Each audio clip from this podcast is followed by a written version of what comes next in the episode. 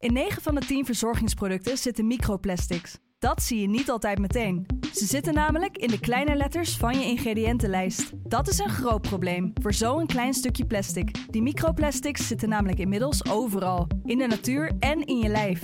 Gelukkig zijn er ook merken die gewoon microplasticvrij zijn. Want dat het anders kan, dat weten we bij Weleda, Lekker Company, Marcel's Green Soap, Naïef, Smaal en Witlof wel. Dus check de kleine letters. Die hebben de grootste impact. Hey, ik snap dat je je podcast wil luisteren, dus ik zal het kort houden. Want als jij het belangrijk vindt om duurzame keuzes te maken, kan ASR misschien helpen.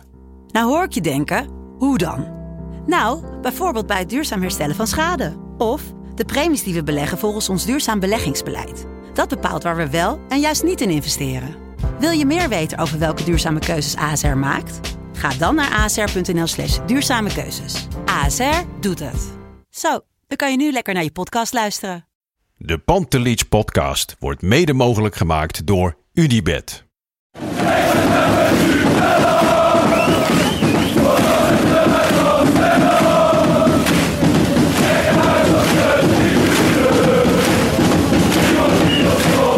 Godsamme.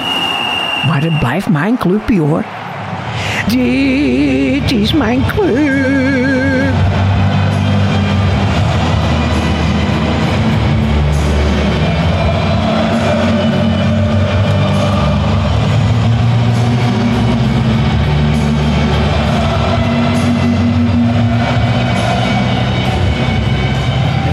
Zondag 3 september, luttele minuten na afloop van Fortuna Sittard Ajax. Een bloedeloze 0-0. Voor de tweede keer deze week weet Ajax niet te winnen nadat het eerder onderuit ging tegen Ludo Goritz.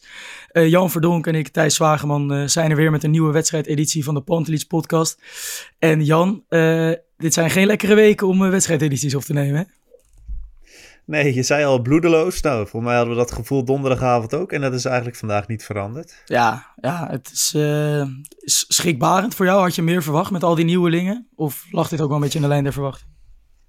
Nou ja, je weet dat je vooraf een beetje gematigde verwachtingen moet hebben over de afstemming. Hè? Is, eh, je spreekt elkaar taal nog niet misschien in, in, zo'n team. En het is heel erg de vraag dan eh, wie het initiatief gaat nemen in balbezit, maar ook in, in druk zetten.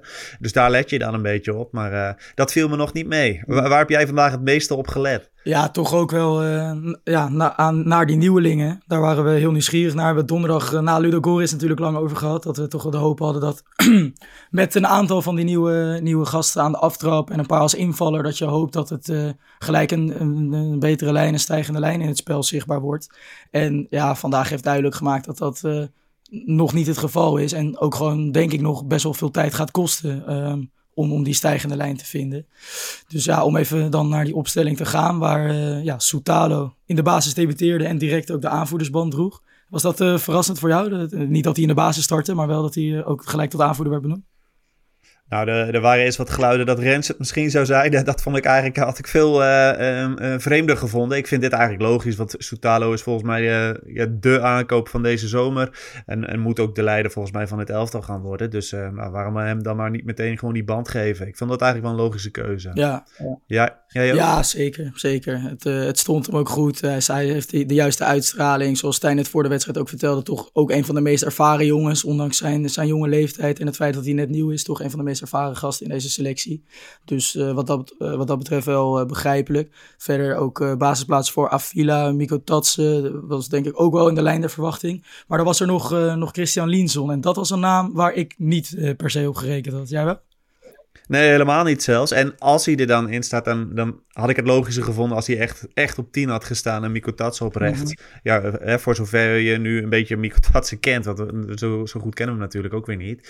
Maar dat had ik logischer gevonden. En dit, dit vond ik best wel een beetje een vreemde keuze Ja, vooraf. ja, ja, met die nieuwe gezichten eh, begint Ajax een beetje hetzelfde als tegen Ludo Goretz. Hè. Veel balbezit, maar toch wel voornamelijk tussen de twee centrale verdedigers. En eigenlijk ook in die eerste minuten nauwelijks eh, over de middenlijn, nauwelijks op de helft van Fortuna Sittard.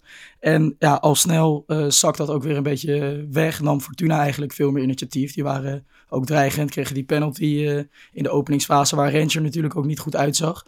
Maar hoe kwam het volgens jou dat Ajax de weg naar voren in balbezit niet echt wist te vinden?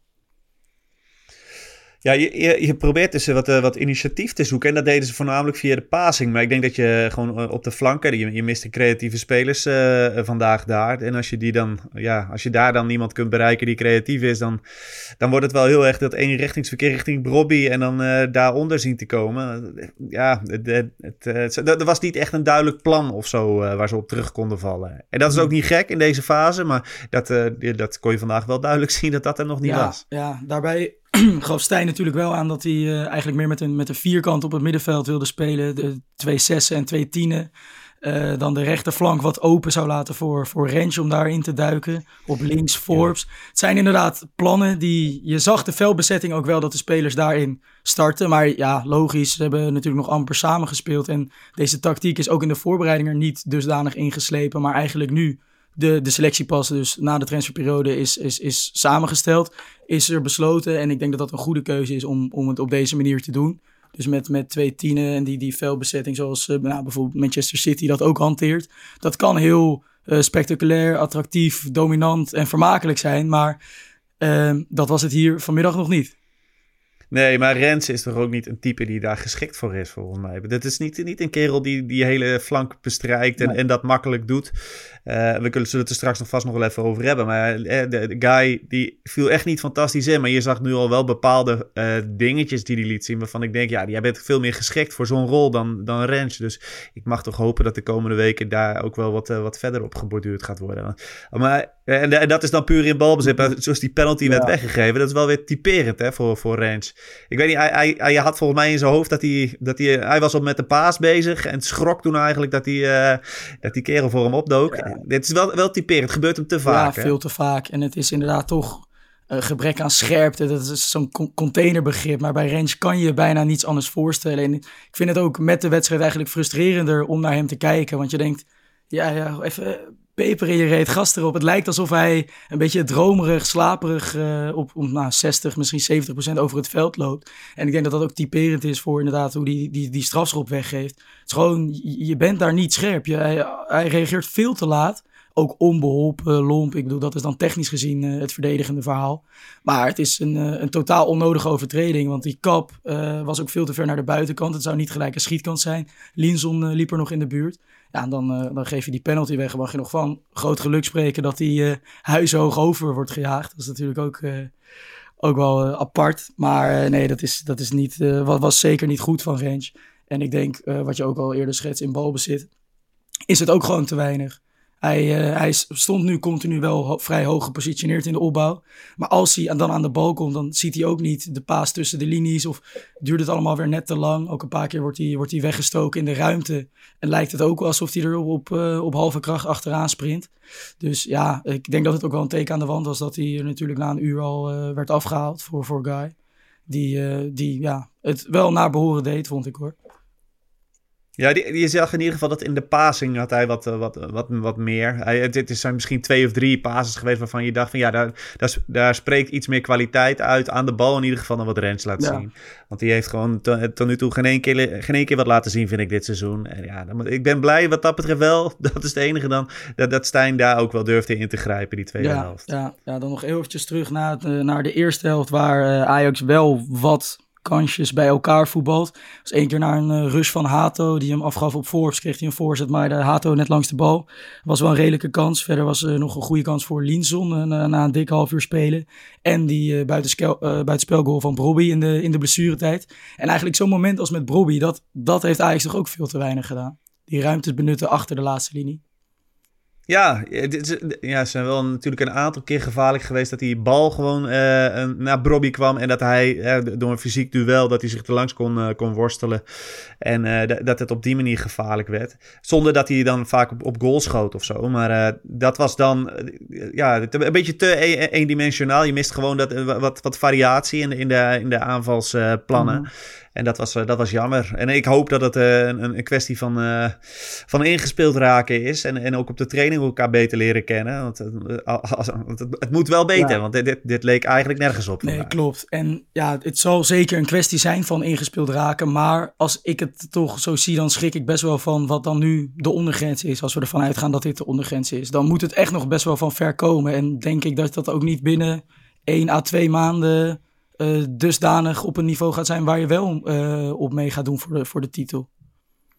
Nee, dat denk ik ook niet. En uh, ja, je mag blij zijn echt dat, dat, dat je dit jaar een tweede ticket hebt wat, wat uh, toegang geeft tot, uh, directe toegang geeft tot de Champions League. En een derde ticket waarbij je een voorronde kunt spelen. Nou, verwachting denk ik die we allemaal wel hebben is dat je gedurende het seizoen steeds beter zal gaan worden. Dus dan is het te hopen dat je aan het einde van het seizoen op zo'n niveau bent. Dat je in die voor, ja, als je al voorrondes zou halen, dat je daar dan uh, op, op niveau kunt zijn. Maar ja, het, het, het, er komen moeilijke wedstrijden aan. Dus de komende weken gaan we nog wel wat puntjes laten liggen. En dan nu ook nog weer een irritante interlandperiode. Dat helpt allemaal niet mee. Nee, en daarbij werd natuurlijk al uh, in de zomer de hele tijd geschetst. Uit de eerste drie wedstrijden moet je gewoon negen punten halen, gezien de, de beperkte weerstand. En daarna is er gelijk een uh, enorme reeks aan, aan topwedstrijden. Ja, dan kan je zeggen dat de seizoenstart van Ajax gewoon niet goed is geweest natuurlijk. Nee, nee zeker niet. Met ook Ludo Goris afgelopen donderdag er natuurlijk nog tussendoor ja, dat, uh, dat, ik vind dat serieus wel zorgwekkend hoor. Ondanks het feit dat de selectie pas zo laat uh, samen is gekomen, moet je ook met, met de jongens die Ajax in de eerste weken van het seizoen wel tot de beschikking uh, had, had je alsnog natuurlijk gewoon die negen punten bij elkaar moeten voetballen. En ja, nu, nu sta je er heel slecht voor. Hele matige uitgangspositie al aan het begin van het seizoen met een hele reeks topwedstrijden in aantocht. Um, als we daar nog even naar de tweede helft uh, kijken, zagen we begin tweede helft een vrij grote kans voor Avila. Die uh, ja, afvallende corner die door Bobby werd klaargelegd. Zijn rol tot nu toe ook nog uh, onbesproken in deze aflevering. Wat, wat vond je van zijn debuut? Uh, ja, eigenlijk wat je van een, uh, van een centrale verdediger op, op, op links verwacht, denk ik. Uh, iemand die, die van, vanuit de pasing echt wel probeert af en toe uh, wat, wat initiatief te nemen. Die, die, die hard is in de duels, hè, want dat heeft hij ook wel laten zien. een gele kaart levert ja. hem dat op. Ja, en die, en die ene kans, die had er eigenlijk wel, wel ingemogen. Maar ja, het, het was niet slecht. Ja. Ik denk dat, dat, dat, je, dat, dat het het beste samenvat. Ik, uh, ik vond hem niet meevallen, eerlijk gezegd. Ik ben een stukje, een stukje kritischer toch wel. Ik uh, ja, had ook wel... Af en toe sloeg hij wel eens een mannetje over... en bereikte die mensen tussen de linies. Maar over het algemeen, ik vond hem ook wel toch, toch wat slordig in zijn paas. Ik had verwacht dat hij daar wel sterker in zou zijn. En dan ja, zo'n zo duel waar hij erin kletst en geel krijgt. Beetje ook onbeholpen. Niet, niet, niet, niet ja, handig gedaan, maar... zeg maar. Maar wij hebben natuurlijk allebei compilaties van hem gezien. Dat, dat zit wel gewoon opgesloten in zijn spel. Hè? En ik denk dat die, die paas is. Af en toe dan gingen ze het luchtledig in. En er was er gewoon mhm. niemand. Dus dat is denk ik een kwestie van, van afstemmen. Maar hij probeerde in ieder geval daar wel initiatief te nemen. En daar, daar was ik een beetje naar op zoek van wie gaat er in, in balbezit dat initiatief durven nemen.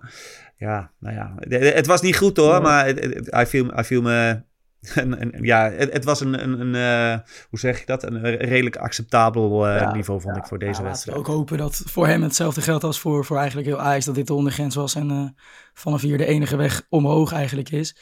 Ja. Um, ja, dan eventjes naar die dubbele wissel die, die Stijn op het uur doet. wel opvallend, Bobby en Rens eigenlijk ja, toch dan de jongens uit de eigen opleiding. En uh, er is veel kritiek op aankopen dat hij te veel een koopclub is geworden. Maar Bobby en Rens ja, leveren niet. En zijn dan ook de, de eerste die eigenlijk worden geslachtofferd in zo'n wedstrijd. Uh, Guy al eventjes besproken, maar de vervanger van Bobby was Akpom, die natuurlijk zijn debuut maakte. Uh, hoe keek je daarnaar? Uh, ja, heel benieuwd gewoon wat hij ging brengen. En ik, ik vind het altijd een beetje lastig. Hè? Als iemand, hij, hij beweegt niet echt sierlijk of zo, laat ik zo zeggen. En dat vind ik nog wel eens Nee, dat, dat vind ik heel moeilijk om naar te kijken. En dat vind ik soms ook wel best wel moeilijk om er doorheen te kijken. En maar ja, nee, is me nog niet meegevallen vandaag. Zeker niet. Nee, nee het is wel uh, duidelijk een ander type dan Bobby. Hè? Veel meer uh, oorlog maken en bedrijvig zijn. Maar je hebt uh, precies gezien, hij is totaal niet lichtvoetig. En hij krijgt twee rebounds eigenlijk voor zijn voeten geworpen. Eén keer na een schot van Tatsen en nog een keer nadat de bal terugkwam van de keeper.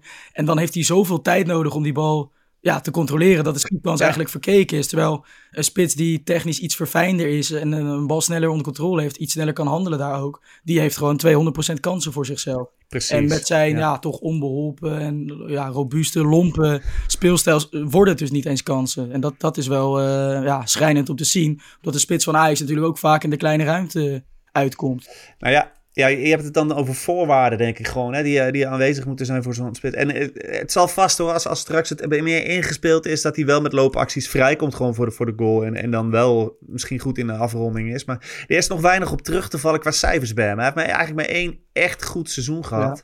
Ja, ja nou ja, ik ben heel benieuwd hoe dat zich de komende weken gaat ontwikkelen. Ja, ja, ik vind het nog steeds wel een interessante aankoop hoor. Juist omdat hij dus ook een ander profiel met zich meebrengt. En inderdaad, als die puzzel straks wel uh, beter in elkaar valt met misschien Berghuis in een vrije rol, die natuurlijk dan veel creativiteit met zich meebrengt.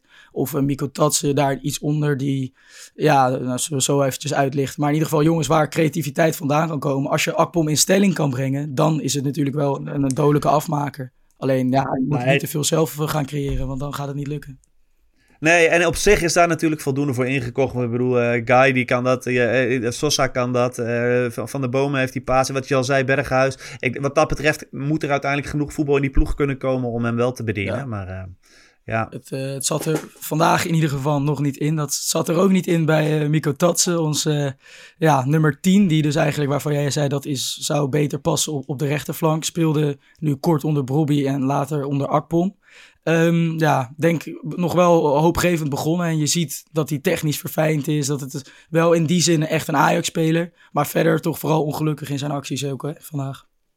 Ja, zeker. Probeerde heel veel leuk, lichtvoetig, met, met uh, subtiele basis uh, probeerde die een beetje wat, wat te doen. Maar het, het, niks kwam uit de verf eigenlijk. Dus uh, ja, we, we moeten niet af te schrijven op zo'n wedstrijd. Dat kan. Het is ook nog niet zo makkelijk om in, in zo'n in zo'n wedstrijd je, je stempel te drukken, denk ik. Maar nee, dat moet ook de komende weken stukken beter. Ja, en nu dan toch dat we hem 90 minuten aan het werk hebben gezien, zie je, ja, wat is dan de positie waarop je hem het meest uit de verf gaat zien komen bij Ajax?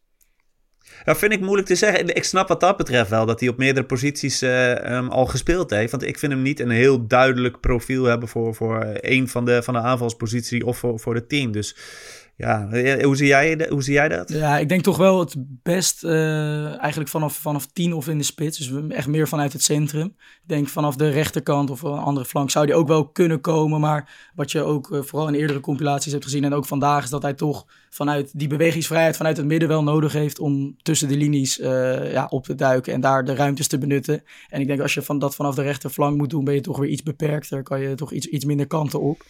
Um, ja. Daarbij vind ik ook zijn, uh, zijn, ja, zijn balbehandeling in, in de as van het veld, in de drukte wel fijn. En uh, wat je zegt over subtiele paasjes, overstapjes. Het zat, er, het zat er allemaal wel in, maar het kwam er nog niet uit vandaag. Ik denk wel dat dat iets is uh, wat, wat kan gaan groeien. En dan, dan heb je een hele ja, attractieve en vermakelijke Ajax-speler te pakken, denk ik. Ja, en ik denk ook eh, als je, als je heatmaps uh, zou zien of zo van, van waar hij gevaar stichtte in, uh, in, in, bij zijn vorige ploegen, dan denk ik dat het meestal wel vanaf links was. Maar ik had het gewoon een logischere keuze gevonden dan, dan Linson op, aan, aan, aan, die rechterkant. Maar ja, ik, ik ben heel benieuwd waar uiteindelijk hij gaat, gaat belanden. Het zal toch wel op 10 of, of 9 zijn, want ik denk dat Bergwijn... Forbes heeft in ieder geval vandaag niet laten zien dat hij de, de man op links is voorlopig. Dus dat zal Bergwijn wel weer En worden. eigenlijk zonde, want de, de roep om voor op links was natuurlijk groot. Hij had daar uh, uit bij Ludogorets een redelijke invalbeurt. Of een, aantal minuten in ieder geval op links gemaakt. Waarin hij wel een leuke indruk maakte. Maar vandaag kwam het er ook geen moment uit eigenlijk. Hè? Nee, nee, nee, vandaag heeft hij echt totaal geen indruk kunnen maken. Dus, uh... En dan uh, ja, nog eventjes over dan uh, Linson die rechtsbuiten stond. Eigenlijk een beetje verkapte rechtsbuiten. Wel opvallend nadat hij op vrijdagavond nog een helft speelde voor Jong Ajax. Denk jij dan dat Stijn op dat moment nog niet had besloten dat Linson in de basis zou staan? Want als je weet dat je hem zondag opstelt, dan laat je hem toch niet bij Jong Ajax meedoen? Nou, dat zou je wel zeggen. Dat is inderdaad wel interessant. Ik, ik weet niet of, of Stijn dat, uh, dat op die manier al heeft, heeft toegelicht. Dat heb ik daar niet meegekregen. Maar uh, nee, uh, zeker een opvallende keuze. En ik vond hem niet zo slecht spelen hoor, op zich, Linson. Alleen ja, dit is niet zijn... als hij te veel van rechts moet komen, dat is natuurlijk niet waar hij, wat hij gewend is. Nee, dus, nee. En ik denk uiteindelijk als je ziet um, hoe Ajax nu met die veldbezetting omgaat en dat ze die rechtsbuiten dus meer als een, als een extra middenvelder tussen de linies, als een tweede tien willen gaan benutten, denk ik dat je daar ook iets meer een paser nodig zult hebben in die rol dan Linson, die toch meer een man is van loopacties en op de juiste momenten opduiken. Maar dat is niet iemand die uh, tussen de linies aanspeelbaar wordt en dan het spel gaat maken. Het is meer een verbindingsspeler natuurlijk wat dat betreft. Um, ja, is dit dan die, die hangende rechtsbuitenpositie de gedoodverfde rol voor Berghuis, uh, zodra hij terug is van een schorsing? Ja, dat lijkt me wel. Want eigenlijk hebben we verder niemand in de selectie die daar. Uh, dus, dus nee, dat moet absoluut van hem gaan komen. Ja, ja, ja. En, en, niet dat ik Berghuis nou uh, een, een, topper vind op, uh, op rechtsbuiten. Helemaal niet. Maar de, ik denk als je, ja, als je iemand moet aanwijzen, dan is hij dat. Ja, ja. Dan nog eventjes een, iets, iets lager op het veld. Toch het blok met Tahirovic van de Bomen. Um, ja, hoe kritisch ben jij daarop? Nou ja, ik, ik, denk dat uh, Van de Bomen, die, die mist toch wel een bepaald, bepaalde verfijndheid. Uh, gewoon in, in, aan de bal, in, in, in, in, uh, in, zijn kappen en zijn draaien. als hij eenmaal kan gaan strooien met passes, dan, dan, dan, is, dan, dan zit hij in zijn kracht. Maar voor de rest is het wel best wel beperkt. Ik, ik hoop eigenlijk echt dat, dat uh, Manswerk, dat, dat, dat daar straks wat vanaf gaat komen. Ja. En dat, ja, ik vind het niet sterk genoeg wat hij laat nee, zien. En vooral het grote probleem is, het is ook niet complementair aan Tahirovic. Hè? Want je zag inderdaad, in de eerste helft kwam Van de Bomen er nauwelijks aan te pas. De tweede helft en vooral einde wedstrijd zat, uh, speelde Van de Bomen, was eigenlijk meer de zes kort voor de verdediging. En Tahirovic iets hoger op het veld. Waarin ik zowel Van de Bomen als Tahirovic er beide beter uit vond komen. Tahirovic ook een beetje in die laatste zone, nog met twee afstandsschoten belangrijk. En een paar snelle spelverplaatsingen. Maar van de bomen als, als pure zes komt hij verdedigend natuurlijk weer tekort. Dat, dat is eigenlijk ook geen optie voor de langere termijn. Nee, en dan, en dan, mag je blij zijn dat je wat verdedigers nu achterin hebt die wel echt met, uh, met de ruimte in de rug kunnen verdedigen. Want ja. Soutalo die heeft toch ook alweer een paar keer uh, mooi ingegrepen Zeker. vandaag. Ja. Ja, ik ben, ik, ik ben heel erg benieuwd straks als, uh, als we bijvoorbeeld een, een Sosa en een Manswerk zijn. Wat, wat voor keuzes uh, Stijn dan gaat maken. Ja. Zeker wat ik bedoel, ik, ik, ik, ik, was eigenlijk op zich wel benieuwd of hij ooit met, met Sosa en Guy wil gaan spelen. Want dan heb je natuurlijk wel twee gasten die allebei wat hoger uh, op willen.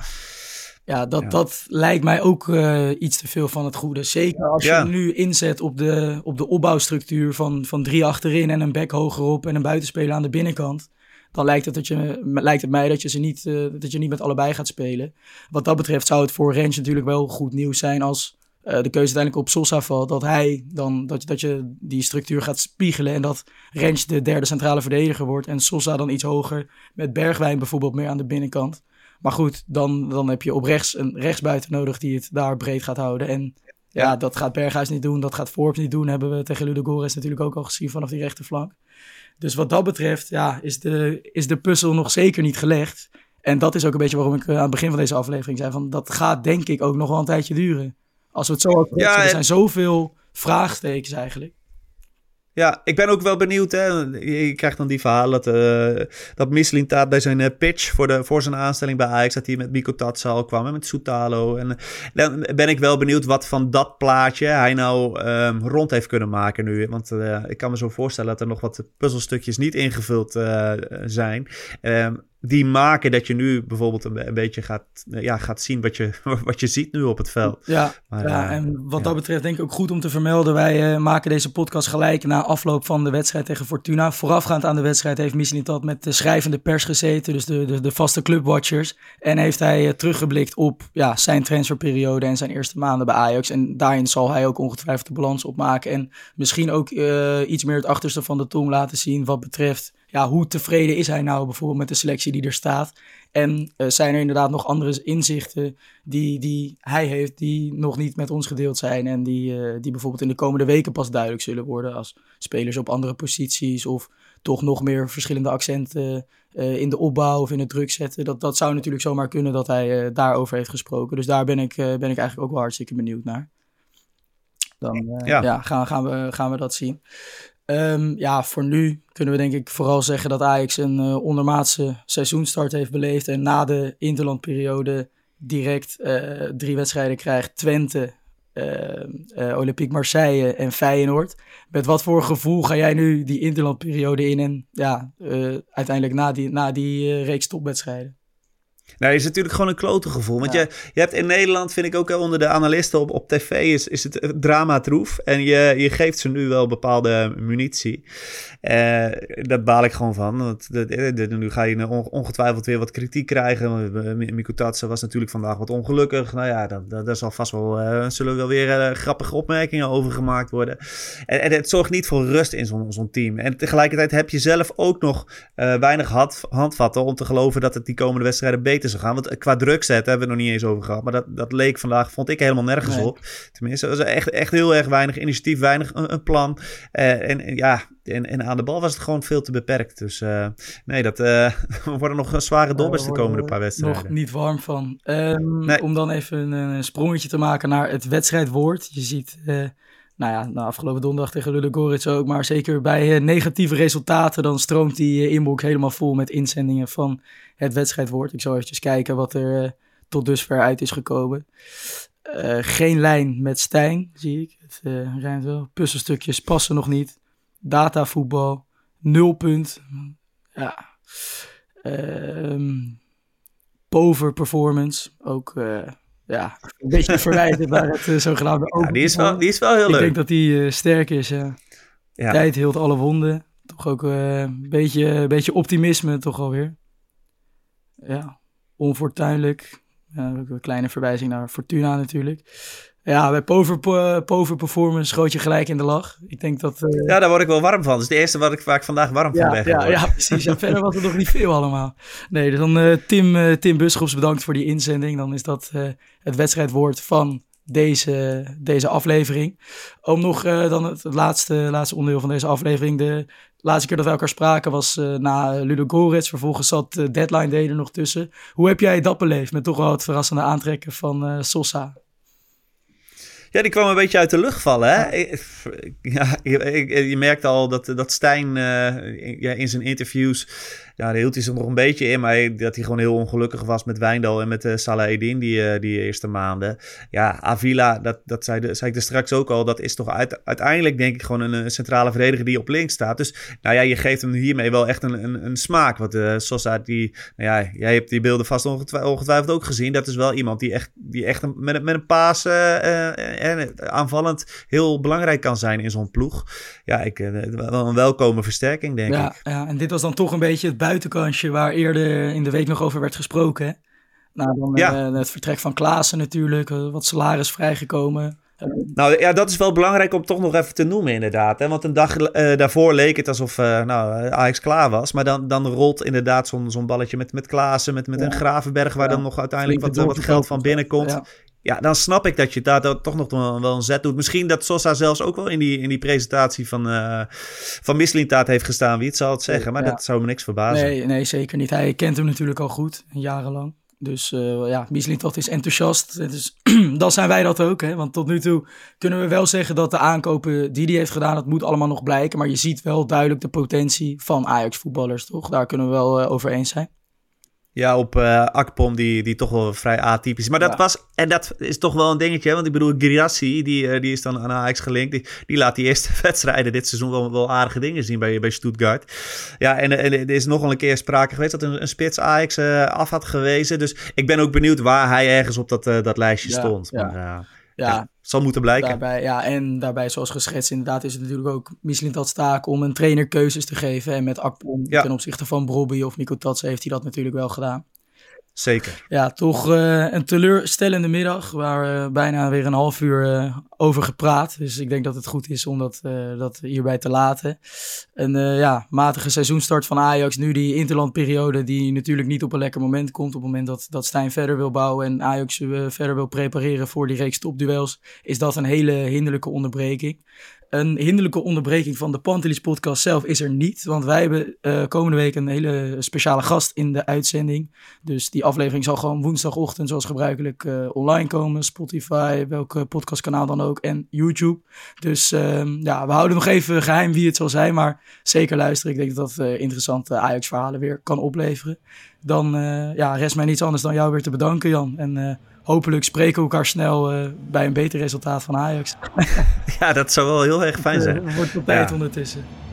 Ja, nou, ja, jij ook bedankt. Ja, yes, graag gedaan. En luisteraars, bedankt voor het luisteren. En tot de volgende aflevering.